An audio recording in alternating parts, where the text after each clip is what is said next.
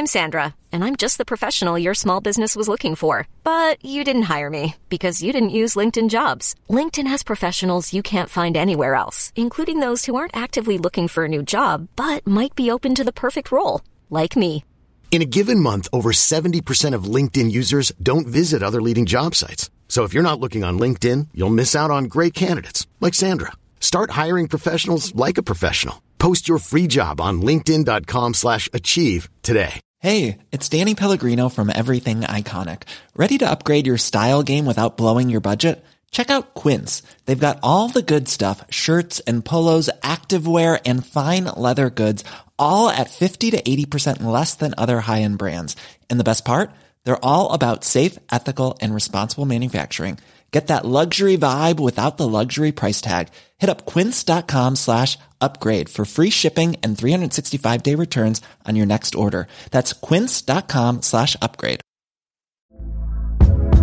Hey there, it's Michelle Norris. I'm host of a podcast called Your Mama's Kitchen. When I travel, I'm usually looking for a way to find a taste of home when I'm not at home. And one of the things I love to do when I am at home is entertain. And Airbnb allows me to do that. When I was in California recently, I rented a house that had a great kitchen. And when we were sitting around the table, we we're all thinking, we're in someone else's house. Someone could be in all of our homes as well.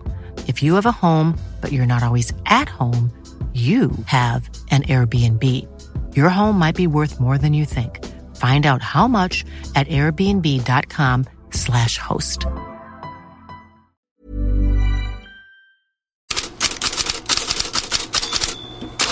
God morgon! Det inhemska kuppspelet i många länder är igång dessa dagar.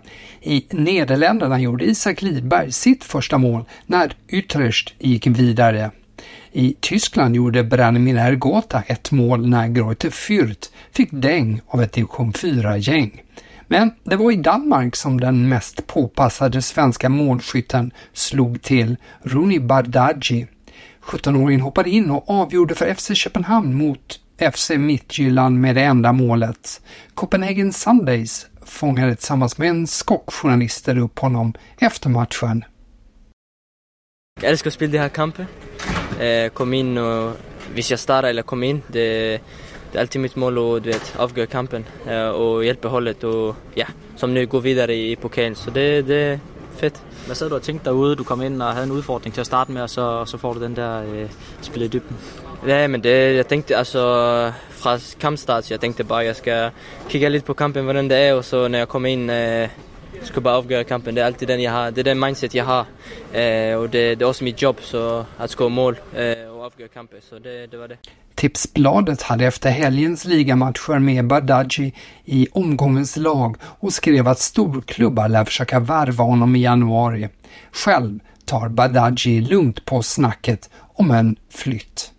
Tror du, der skal, der skal gå? Det, det vet jag inte. Som jag jag, mitt mål är att bli så så stark som möjligt innan jag går ut. Och när jag känner, eh, när jag och familjen känner det rätta tid, då är väl det. Men jag vet inte, jag tänker inte på det som... Är det med familjen du har den, den dialog och din agent eller vad Ja, ja men det är klart. Det, det, det tror jag alla har. Du vet. Eh, såklart det kommer det från mig. Jag ska känna att det är det rätta. Men eh, såklart familjen och agenten och allt det där. Men det, det är många ting där ska så det, Men jag tänker, jag, det är ingenting. Har, har det varit någon, der har, har heddet fat i dit bagland om, omkring noget interesse och så vidare? Det har jag inte hört något faktiskt. Det har jag inte. Jag fokuserar bara på spela och ja. Har du en uh, liga du drömmer om att komma till? Bara topp 5-liga. Det spelar ingen roll egentligen. Det, det är väl drömmen. Spela i de största klubbarna i världen. Det är det. Mm. Badaji där om en flytt via Copenhagen Sundays. Sveriges för närvarande största anfallare är ändå Alexander Isak och han han är för närvarande skadad. Eddie Howe tvingades igår bekräfta de inledande rapporterna om att Isak blir borta till landslagsuppehållet om några veckor och han har fler skadebekymmer inför kvällens cupmatch mot Manchester United. a game where you lose one or two players and suddenly the outlook on the squad and the, the, the sort of dynamic of the squad changes. But you just have to roll with the punches. You have to absorb the hits. Roll with the punches and absorb the hit, säger Howe. Och det där temat skulle ju kunna tillämpas på motståndartränaren Erik Ten Hag också. Han försöker absorbera smällen från lokalrivalen City i helgen och gå vidare. Men rubrikerna förföljer United. Daily Mirror säger att det skulle kosta United 15 miljoner pund att kicka Ten Hag. Och i iNews påpekas att tränaren ändå sitter säkert men kommer att få mindre att säga till om kring transfers när delägaren Jim Ratcliffe gör sitt intåg i United. Daily Mails största rubrik är om att United-spelarna är missnöjda med matchstället. En del spelare tycker tröjorna eller strumporna är för tajta och använt replikamodeller, alltså sådana som säljs till fans till Italien där Gazzetta dello Sport idag har Zlatan Ibrahimovic på första sidan. Anledningen är att tidningen anser att Milan och Zlatan kommer allt närmare varandra. Kontakterna är täta och tidningen skriver citat den vita röken kan vara mycket närmare än de inblandade låter påskina. Slutcitat. Gazzetta dello Sport föreställer sig Zlatan i en roll nära Pioli och laget. Det anses som att det är nu som Milan behöver honom. Vi stannar i Italien där vi igår pratade om att Jesper Karlsson skulle få chansen för Bologna i cupmatchen mot Hellas Verona. Det fick han också, men han tog den inte. Några bra bollberöringar i början av matchen, sen går han vilse i labyrinten. Han väljer svåra lösningar som skriver Corriere dello Sport och ger honom svaga betyget 5 av 5. 5,5 av 10. Samma betyg får han i Gazzetta dello Sport.